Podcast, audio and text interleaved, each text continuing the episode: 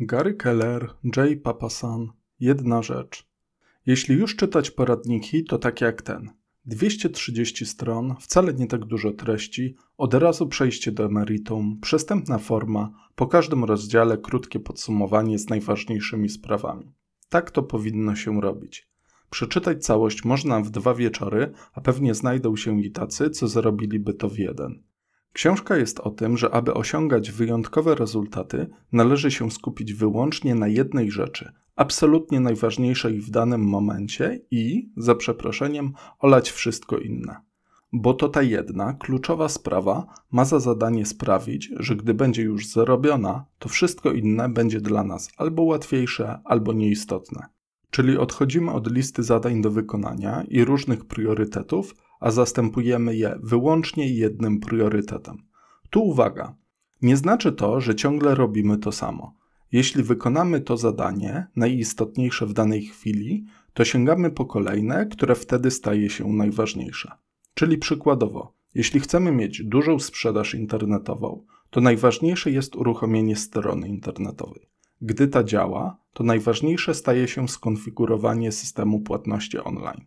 Gdy i one będą działać, to najważniejsza staje się promocja i marketing itd. Tak itd. Tak Ten przykład akurat nie był podany w książce, ale jest dokładnie tym, co sam z niej wyniosłem i od dzisiaj będę realizował u siebie. Z pewnością do poprawki trafią moje listy to do. Niewątpliwie wymagały zmiany i dlatego cieszę się, że przeczytałem książkę, która wskazała mi, co dotychczas było moją bolączką. Również bardzo na plus cenię sobie porady praktyczne odnoszące się do codziennej pracy w firmie z podziałem dnia i wyłączeniem komunikatorów na czele. Bo poświęcenie pierwszych 4 godzin wyłącznie na tytułową jedną rzecz ma potencjał znacznie poprawić efektywność pracy. Warte odnotowania, zwłaszcza w recenzji, jest fakt, że książka rozprawia się z wieloma mitami i prawdami życiowymi, np. o multitaskingu, wielozadaniowości, równowadze życiowej, work-life balance, zdyscyplinowaniu i wielu priorytetach.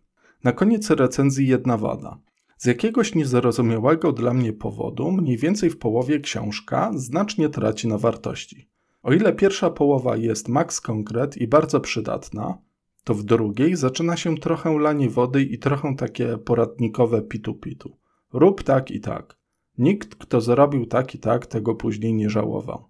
Jeśli zaprzęgniesz się do pracy, to zobaczysz efekty. Trochę pustosłowie, jak dla mnie. Trochę obniża to wrażenie artystyczne po lekturze, ale koniec końców ocena książki pozostaje bardzo wysoka.